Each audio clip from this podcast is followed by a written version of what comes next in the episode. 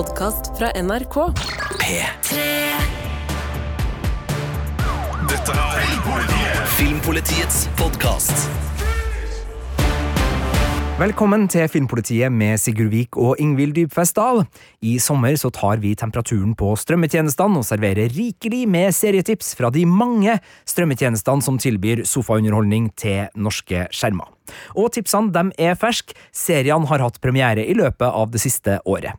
Du finner selvsagt alle episodene med tips fra de ulike strømmetjenestene i appen NRK Radio, og i dag er turen kommet til strømmetjenesten Apple TV Og Ingvild, hvordan har året med Apple TV vært for deg?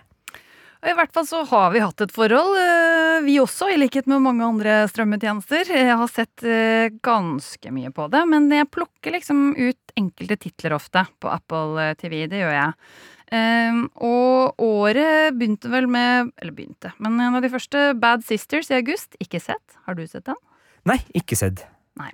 Eh, men Si sesong tre kom i august. Jeg liker Si. Det er en eh, kuriøs serie med Jason Momoa i hovedrollen, som handler om en postakopa... Jeg klarer ikke å si det ordet. Post. Postapokalyptisk verden. Veldig bra. Eh, der menneskene ikke kan se. De er veldig gode på å høre, og de er veldig gode på å finne opp masse intrikate systemer for hvordan man da kan klare seg med hørsel. Så det kan være verdt en titt for de som syns det høres litt artig ut. Eh, I oktober kom også Shanta Ram med Charlie, Charlie Hunnam, en annen fyr jeg liker å se på, av flere årsaker. Ja, kjent kanskje mest for et seriepublikum for ja. Eh, Sons of Anarchy, hvor han spiller hovedrollen som Jax. Yes. Og her spiller han en eh, forbryter, australsk forbryter som har uh, sluppet eller rømt fra fengselet og rømmer til et land i Asia, Millionby, og gjemmer seg der. Det er litt sånn eventyrisk og gøy å se på. Så kom Mythic Quest sesong tre i november. Det er vel en vi føler vi burde ha sett. Hadde du sett det? Du, jeg har sett og likt sesong én og to veldig godt, og så har jeg bare ikke komme ordentlig i gang. Jeg har vel starta på, på, episode én, men, men, jeg har ikke fått sett sesong tre av Mythic Quest ennå. Det er jo en komedie satt til spillutviklingsbransjen, så ja da, jeg har, jeg har kosa meg med den. Og vi skal ikke gå gjennom alt, men også en eh, fyr, eh, flere fyrer som vi kjenner godt. Harrison Ford og Jason Seagull i Shrinking i januar. Også dårlig samvittighet, ikke sett. Nei, øh, jeg så starten ålreit. Det er jo fra produsentene av en annen Apple TV Pluss-serie som er ganske kjent, Ted Lasso, så der var det jo noen forventninger, men jeg, jeg, jeg har ikke slutta å se den. Jeg har bare ikke fortsatt å se den. For det er en distinksjon, ikke det? Ja, ja, altså. Ja, for, for, for, Man har ikke blitt ferdig, bare. Nei, ja. så jeg er ikke ferdig med Shrinking, men den er, jeg liker jo både Harrison Ford, og ikke minst så har jeg jo et uh, godt øye til uh, selveste Jason Seagull, da, som spiller den andre hovedrollen gjennom mange år med blant annet How I Met Your Mother, hvor hun spiller en av de sentrale rollene. Så, så jeg skal få sett ferdig Shrinking, det skal jeg. Men jeg nevnte jo Ted Lasso. Ja, Der har jo du både sett og anmeldt sesong tre. Ja, den kom i mars, og nå gruer jeg meg til å si dette, men den skuffa meg faktisk. Jeg elsker jo Ted Lasso. Jeg har elska Ted Lasso så høyt i to sesonger fordi jeg syns det er så genuint. Sesong tre for meg opplevdes ikke så genuint. Og det har gjort det litt vanskelig for meg, fordi i likhet med deg så elsker jeg Ted Lasso. Eh, sesong én og to har vært på topplistene våre over årets beste serier, men jeg har ikke begynt på sesong tre ennå, fordi uh, Jeg det... har ødelagt det, ja. Nei, du har ikke det, men du har gjort det til en serie sammen med internett, da, for, for, jeg har fått med meg fra, fra, flere hold som jeg føler at uh, denne sesongen har uh, truffet litt ulikt uh, blant publikum, og det gjør at jeg tenker at jeg må jeg må ha litt sånn øh, Ja, jeg må, jeg må stålsette meg litt for, for, den sesongen, for jeg skal selvfølgelig se det for deg. Jeg elsker ja. jo både fotball og den her øh, komedien, og hver episode var jo som å få en halvtimes klem uh, av de tidligere sesongene, for den var så ektefølt og god. Nå har det blitt tre, kvarters klem, ja. Det, det er jo litt mer intimt. Det er litt klammer. Litt klammer. ja, ok, jeg, men jeg skal sette meg ned og, og, få med meg de tre kvarters klamme klemmene fra Ted Lasso sesong tre, men i og med at du var på, på en reservert firer der, så, så, har jeg latt det være. Og det betyr jo også at den sesongen sannsynligvis da ikke kommer med i denne tipslista på denne podkasten som skal handle om Apple TV Og jeg må jo si, det har vært litt sånn stusslig de siste tolv månedene på Apple TV Pluss sammenligna med hvordan det var, for det her er jo en liten tjeneste. Den kom jo i, på høsten 2019, var det vel, en av de ferskeste. Og spesielt våren i fjor, altså våren 2022 for Apple TV Pluss, var noe av den beste rekka med serier som jeg har sett. Altså, da kom Pachinko, som vi Ja. kåra til årets beste serie i fjor. Helt da kom enig. Severance, som er en av de raffeste, kuleste sci-fi-seriene, og, og ikke minst visuelt lekreste seriene. Og Slow Horses sesong én, en kjempegod spionkomedie med Gary Oldman i hovedrollen. Så med den rekka fra våren, så var jo liksom Apple TV Pluss uh, Opp helt og nikka. altså, vi har jo sagt da i løpet av sommeren her at vi har vært kanskje litt skuffa av Netflix, kanskje litt skuffa av Prime Video, og vært veldig fornøyd med både Disney Pluss og HBO Max. De har hatt gode år. Apple TV Pluss hadde jo et veldig godt 2022 totalt sett, men hvis vi tar da de siste tolv månedene, Ja. så har det kanskje ikke vært på det nivået det var Det har i hvert fall ikke vært sånn velg og vrak-tilstand. Det har det ikke. Nei. Eh, Jeg kan også si at uh, jeg ble litt skuffa over den uh, siste serien til uh, Gossip Girl og The OC-skaperen, som hadde en sånn New York-krimserie satt til tidlig 2000-tall. Ja, som så også den, ja. var City on Fire, tror jeg den Ja, het. Eh, Veldig bra soundtrack, masse gode elementer, men heller ikke en sånn innertier fra, fra Apple, så det har vært noen der. Men nå høres det jo ut som vi ikke har serier å tipse om fra de siste tolv månedene på Apple TV+. Det, ja, for det har vi. vi. Vi har det. Og vi kan starte med en som har eh, norsk regissør på de tre første episodene. En postapokalyptisk serie. Gratulerer. Takk. Jeg var faktisk ganske nervøs for å si det ordet, men postapokalyptisk eh, gikk bra. En eh, postapokalyptisk serie, ja. eh, Bokbasert eh, sådan, som kom for ikke så veldig lenge siden, i mai 2023, eh, og som er bygd for dem som digger dystopisk konspirasjonsunderholdning. Jeg snakker om Silo, som da har de tre første episodene regissert av Morten Tyldum. Og det her var en eh, serie som uh, traff meg veldig godt, fordi den er så god i verdensbygginga og premisset den setter opp. Altså, den er basert på en bokserie av Hugh Howie uh, med samme navn, og foregår i en gigantisk silo hvor 10 000 mennesker bor fordelt på 145 etasjer. Og det her er da satt til en postapokalyptisk uh, framtid, eh, og hvor det er eh, visstnok giftig på jorda, sånn at eh, du kan ikke være ute i det fri, eh, men du er trygg inne i siloen, eh, og den har sitt eget økosystem med et maskinrom helt på bunnen, og så er det et litt sånn klassedelt samfunn hvor det blir bedre og bedre oppover i etasjene.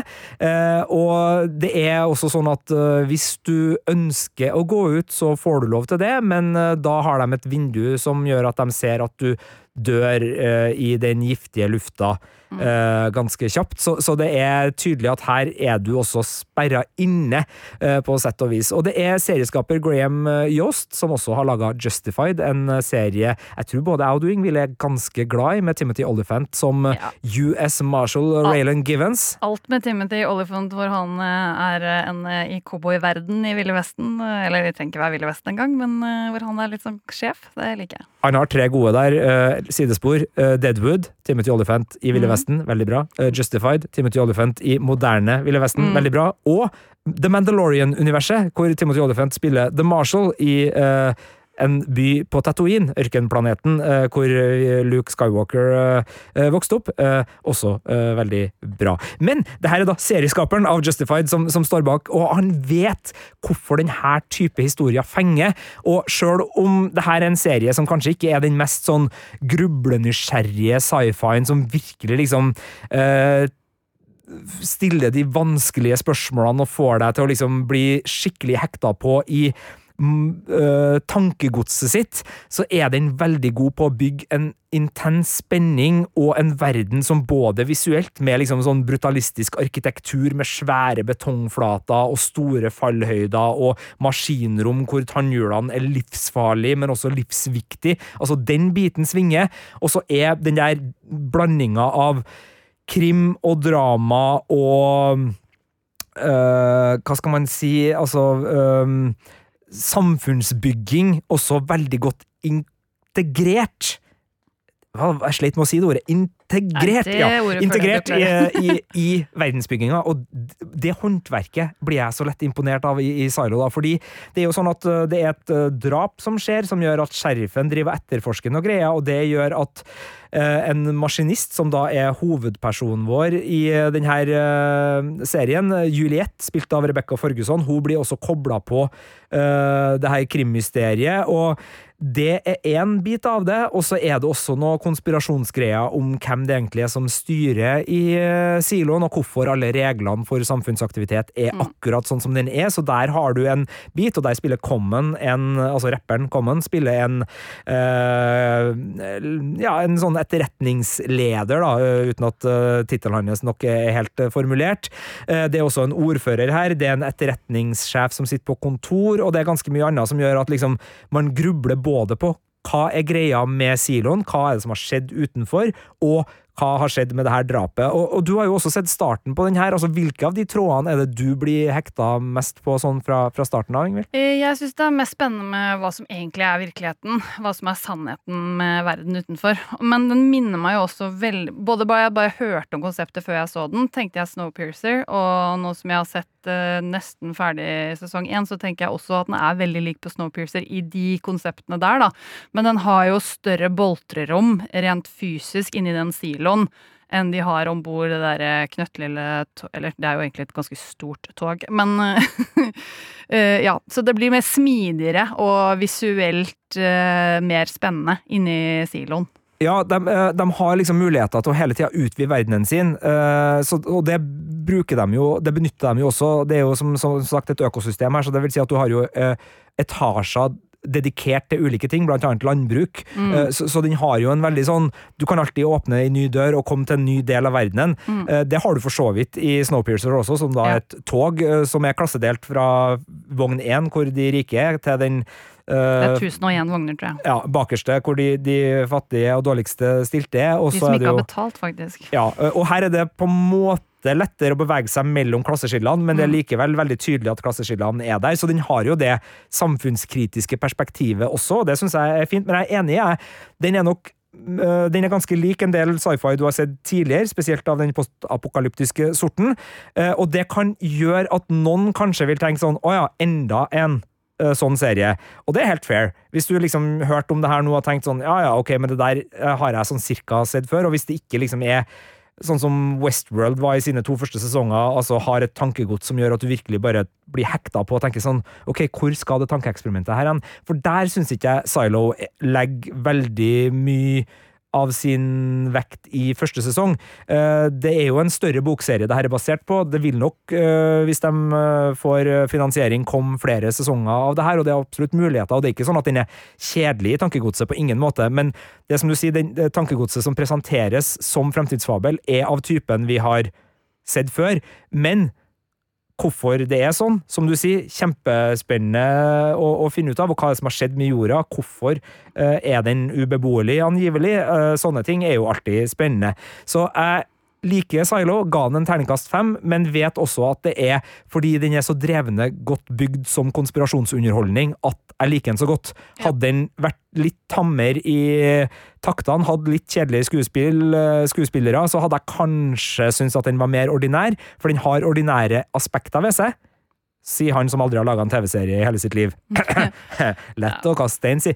Men, men, eh, men jeg syns kombinasjonen her gjør at Silo blir en, en vellykka serie. Og jeg har sett da hele sesong én, og anbefaler den til dem som syns at eh, dystopisk eh, konspirasjonsunderholdning kan være god sofaunderholdning i sommerhalvåret, eller når det ellers skulle være. Serietips to fra uh, Apple TV Pluss er en serie vi så vidt nevnte, fordi sesong én var veldig god da den kom i eh, jeg tror det var januar 2022, eh, men yep. i de siste tolv månedene så har vi da fått sesong to av yes. en etterretningskrimsak som du er veldig glad i, Ingvild. Det er nemlig Slow Horses, det, hvor de nå totalt er to sesonger. Og hvis du er interessert i spionserie, som vi har bestemt at denne er, så har jo vi også en egen episode om eh, med spionserieanbefalinger, som du kan finne inne på NRK radioappen. Kan anbefale det med en gang. Men her skal du få noen highlights fra en av mine favorites. Slow Horses. Eh, det er spennende moro av flere grunner. Den er basert på en spionbokserie. Den heter Slow House av Nick Karen. Men ikke slow som i sakte, men S-L-O-U-G-H. Så det er noen fiffige ordspill inni her som ikke blir like lett å ta på radio. Eh, og så kommer eh, rosinen i pølsa. Gary Oldman er, spiller altså Jackson Lamb, leder for en avdeling av kasserte agenter i den britiske etterretningstjenesten. Og den avdelingen kalles eh, Slow House, da, for det er vel etter stedet de holder til.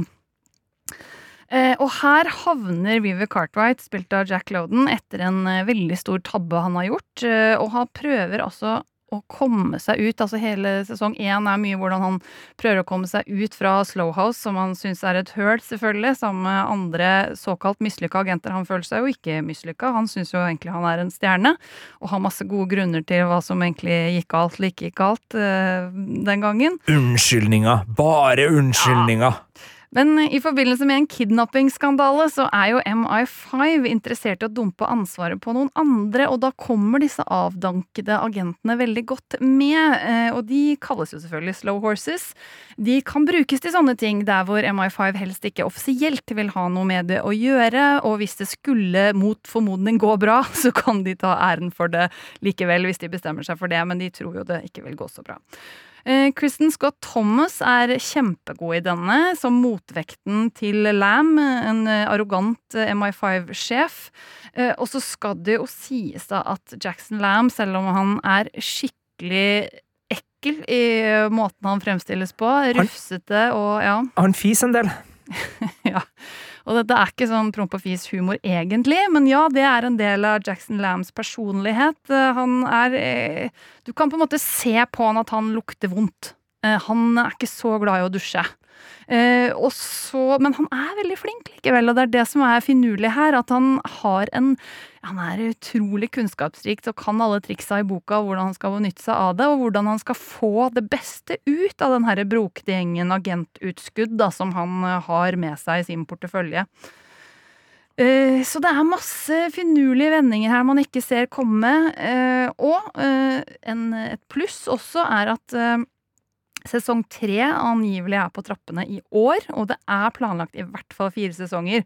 Og den bokserien som den er basert på, da, der er det minst åtte bøker og flere noveller. Sånn at det, det er sånn godt å vite at hvis du skulle like det her på en uh, luftig eller tung sommerkveld, så er det mer i vente. Ja, kan bare slenge inn at uh, Hvis du har veldig sans for uh, den kalde krigen og etterretningsspenning derfra, så blir også det et element i sesong to, selv om det ikke er satt til den kalde krigen. Men det er eh, altså Bokstavene KGB blir nevnt, så det kan jo også være noe for å veie for og imot om man skal investere litt tid da i Slow Horses, som da har to sesonger ute anbefaler vel å starte på sesong én på den her, sjøl om sesong to har en frittstående historie, fordi det er noe med etablering av rollegalleriet. Ja, deg, ja. ja så, så, så, det er verdt å, å, å, se begge der, men jeg er jo helt enig med deg. Det her er jo meget eh, god underholdning av uh, spionsjangeren, og som du sa, hvis du vil ha flere spionsjangertips, uavhengig av uh, strømmetjeneste og når de kom, så er det bare å sjekke ut den episoden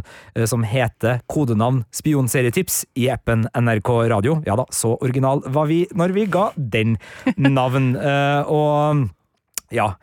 Det er uh, ikke til å komme unna at det er noen uh, ganske store titler med der, og du får også bonusinnhold. Uh, Ingvild korrigerer Sigurd i fransk uttale. Ja, det er ikke alle som vil se på det som bonusinnhold, men det ligger nå der, i hvert fall. Jeg lærte i men, hvert fall en del. Ja. ja. Og du jo, skal vi jo videre i noen hardbarka miljøer her, selv om vi går bort fra spioner. Ja, det stemmer. Vi skal inn i true crime-basert eh, fengselsopphold eh, til en serie, og nå må vi bare ærlig innrømme at vi tøyer strikken litt, da.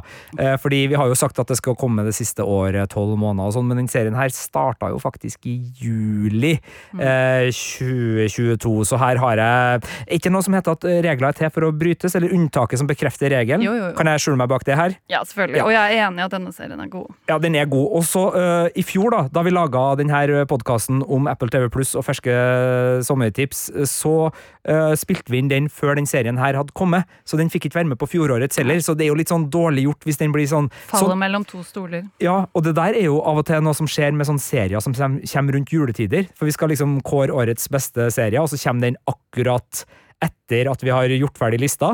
Og så har den kommet så tidlig at den blir ikke med på neste års liste, for da har den jo glemt. Men nå uh, men nå er det tid å skinne. Skravla går på Sigurd Vik. Ja, vi skal til serien Blackbird, som er en eh, Ja, jeg sa det, true crime-inspirert dramatisering av eh, det som muligens da er litt sånn eh, virkelige hendelser. Eh, Og det er en del attraksjoner med den her. For det første så har du Taron Egerton i hovedrollen som James Jimmy Keen, som er en fyr som egentlig er litt sånn småkriminell, og som havner i fengsel, og som da blir overtalt av politiet til å prøve å få ut informasjon av en seriemorder, eller en mistenkt seriemorder som han soner sammen med. Og den seriemorderen er Larry Hall, som spilles av Paul Walter Hauser. Og det i seg sjøl er en attraksjon i serien å se samspillet mellom de to. Spesielt Paul Walter Hauser er helt ufyselig god som uh, seriemorderen, uh, i hvert fall sånn som serien presenterer det. Jeg kan ikke virkeligheten her, så jeg skal ikke si noe om uh, det serien er basert på, men sånn som serien presenterer det, så er Larry Hall en ganske fæl fyr med noen hemmeligheter, og han liker å leke med politiet. Han liker å tilstå, eller er det kanskje en drøm? Altså, han sier veldig mye om hva som kanskje har skjedd med en del offer som politiet mistenker at han har drept, og så, nei Kanskje jeg bare drømte det. Altså, han er en sånn veldig sleip ål da, for politiet å få tak i, og så er det vanskelig å vite øh, på en måte hva er kalkulert fra hans side, og hva er usikkerhet. Altså, hva har han hørt om det her andre plasser i, av andre forbrytere? Altså, har han satt det sammen for å skape oppmerksomhet rundt seg sjøl? Altså, det spillet da, er veldig interessant, syns jeg, i denne serien. Eh, den er da basert på en øh, biografiroman In With The Devil, A Fallen Hero, A Serial Killer and A Dangerous Bargain for Redemption, som ble skrevet av James Keane og kom i 2010, og det forteller vel da uh, den her om Larry Hall, som er da en mistenkt, og det må vi bare understreke det. altså På Wikipediaen til Larry Hall så står det 'suspected serial killer'. Han er en mistenkt for seriemord, men han er ikke dømt for det. Og, og den tvetydigheten bærer jo også serien preg av, fordi de prøver å finne ut av ting, men eh, det er veldig vanskelig eh, å finne ut av ting. Men det her er jo en dramatisering, så de trenger jo ikke å forholde seg helt til virkeligheten, så spenninga skal være ganske intakt altså, når du eventuelt setter i gang med Blackbird.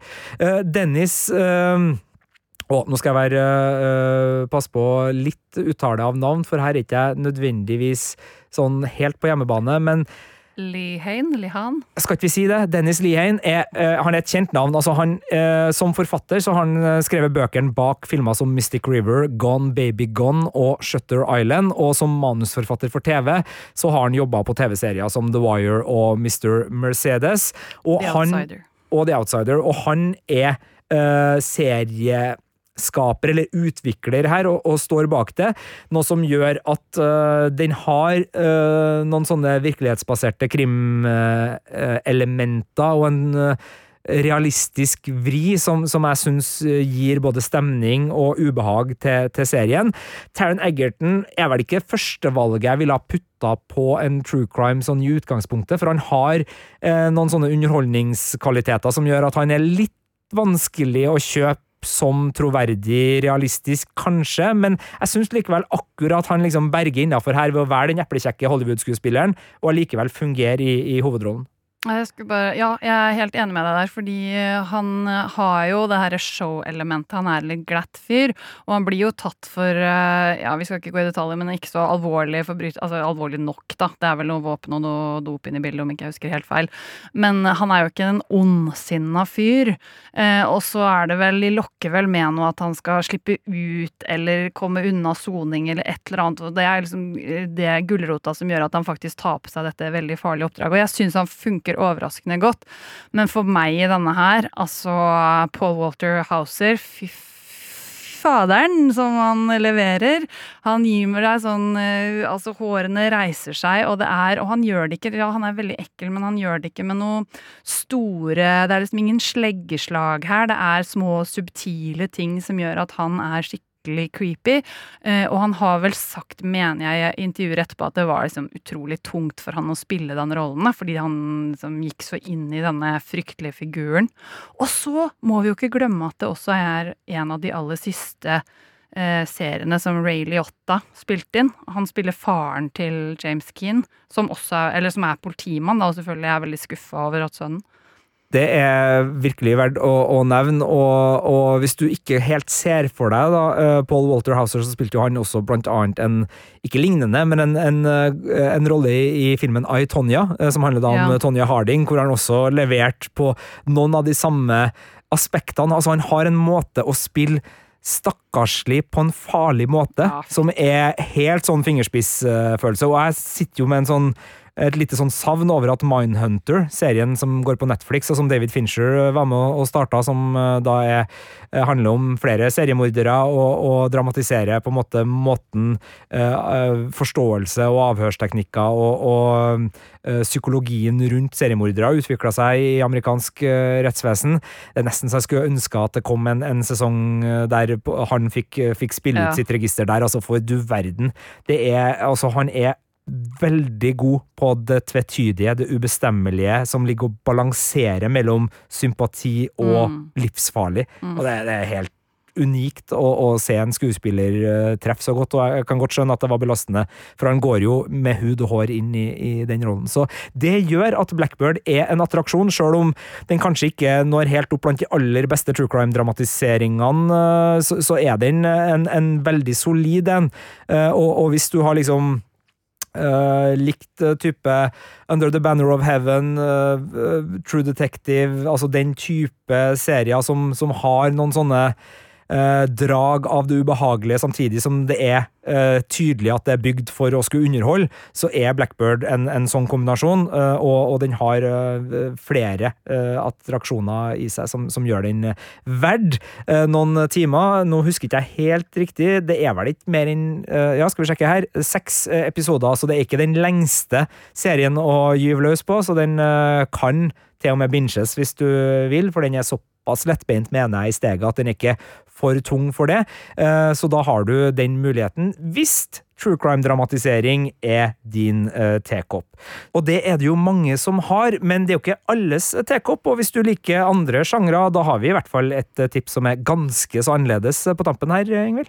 Jeg har gått til noe helt annet. Jeg har valgt en komedie, og det er Platonic. Eh, Da selvfølgelig på Apple TV for det er der vi Det er der alle tipsene kommer fra i dag, så det kommer neppe som noe sjokk.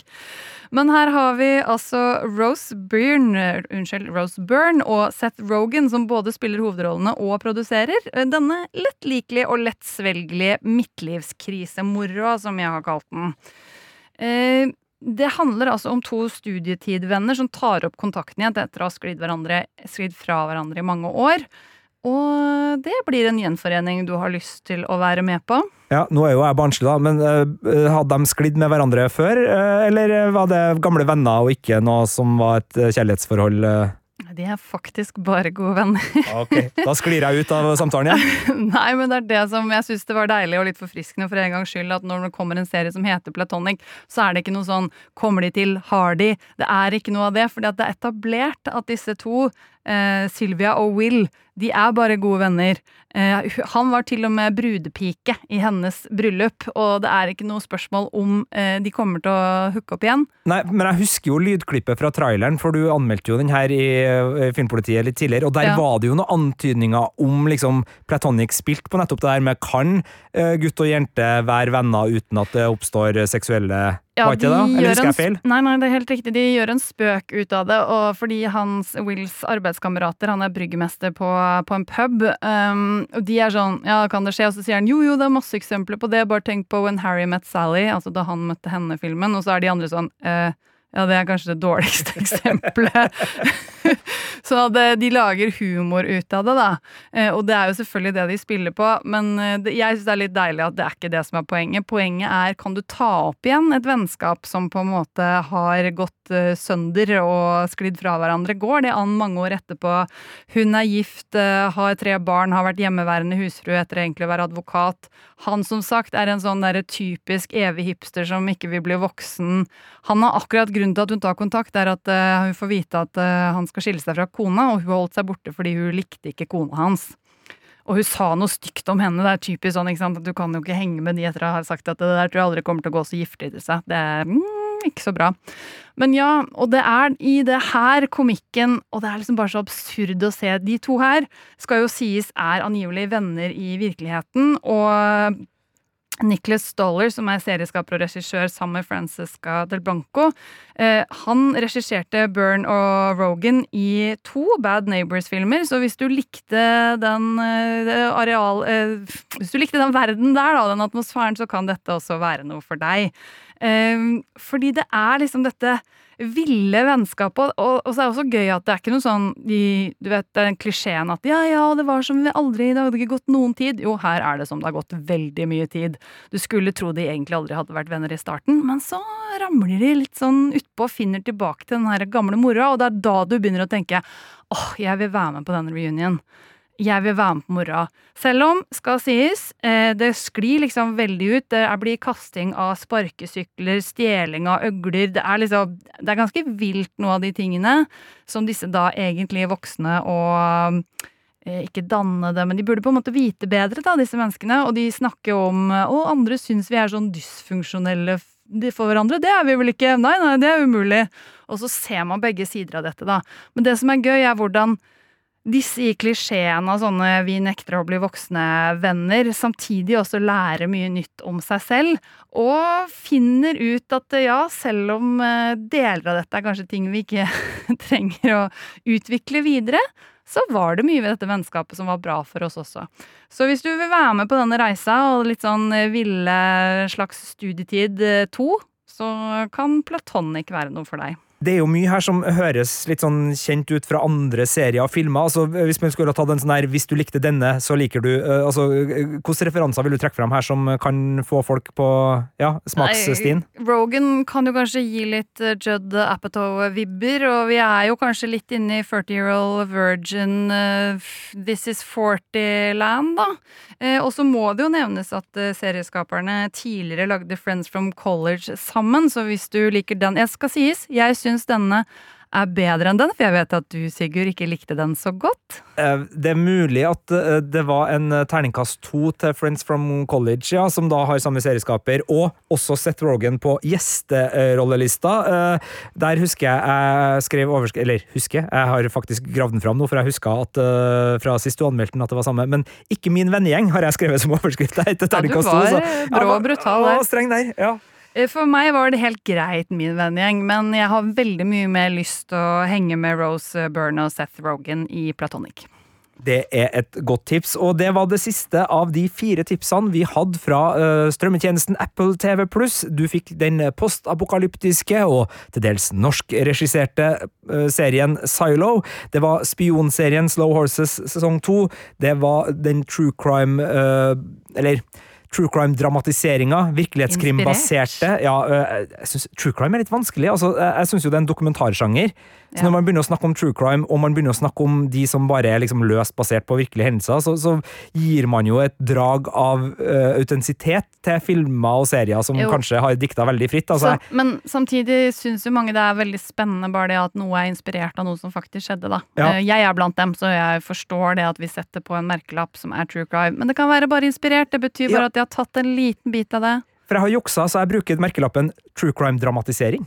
Den har jeg begynt å skri, Høres ut som eh, en selvmotsigelse. Nei, det er jo en dramatisering av true crime, for true crime er en dokumentarsjanger. Herlighet. Ja. Det her skal vi krangle om etter at episoden er ferdig, men eh, Platonic var da det siste tipset, og det var Blackbird da som var en true crime-dramatisering basert på virkelige hendelser, men ikke dokumentar. Eh, du kan finne veldig mange serietips fra oss i Filmpolitiet. Hvis du går i appen NRK Radio, så har vi i hele sommer eh, kjørt ut episoder med strømmetips, nei, med serietips fra de ulike strømmetjenestene, så der er det bare å plukke de strømmetjenestene du allerede har, eller kanskje er nysgjerrig på, og sjekke ut hva vi i hvert fall liker og vil trekke fram av ferske tips derfra. Og så er det jo sånn som vi uh, alltid pleier å si, eller i hvert fall så ofte vi husker det, pleier å si i Filmpolitiet, altså du skal ikke ha dårlig eh, seriesamvittighet, så hvis du, eh, du, skal, du skal bare sjekke ut de seriene du får fot på, og ikke føle at det her er ting du, du må se hvis du ikke får fot på det. Samtidig så prøver vi å tilby noe for enhver smak. Da. At vi har noe liksom som kan kjøle deg ned i varmen, og noe som bare er lettsvelgelig og easy breezy. Det er sant, og det var derfor du fikk postapokalypse, eh, spion, uh, true crime-dramatisering og uh, komedie i denne episoden. En podkast fra NRK. Å sitte ute og skåle med dine aller beste venner på sola føles som den aldri går ned, på en kveld der det faktisk er varmt og godt. Kjente folk gir deg skikkelig god feriestemning. Høye danske smørbrød. Smaken av jordbær. Kose meg og høre på musikk. Å få på meg et festivalbånd, en softis. Glovarme bilsetter. En dag med lite planer. Hør feriestemning i appen NRK Radio.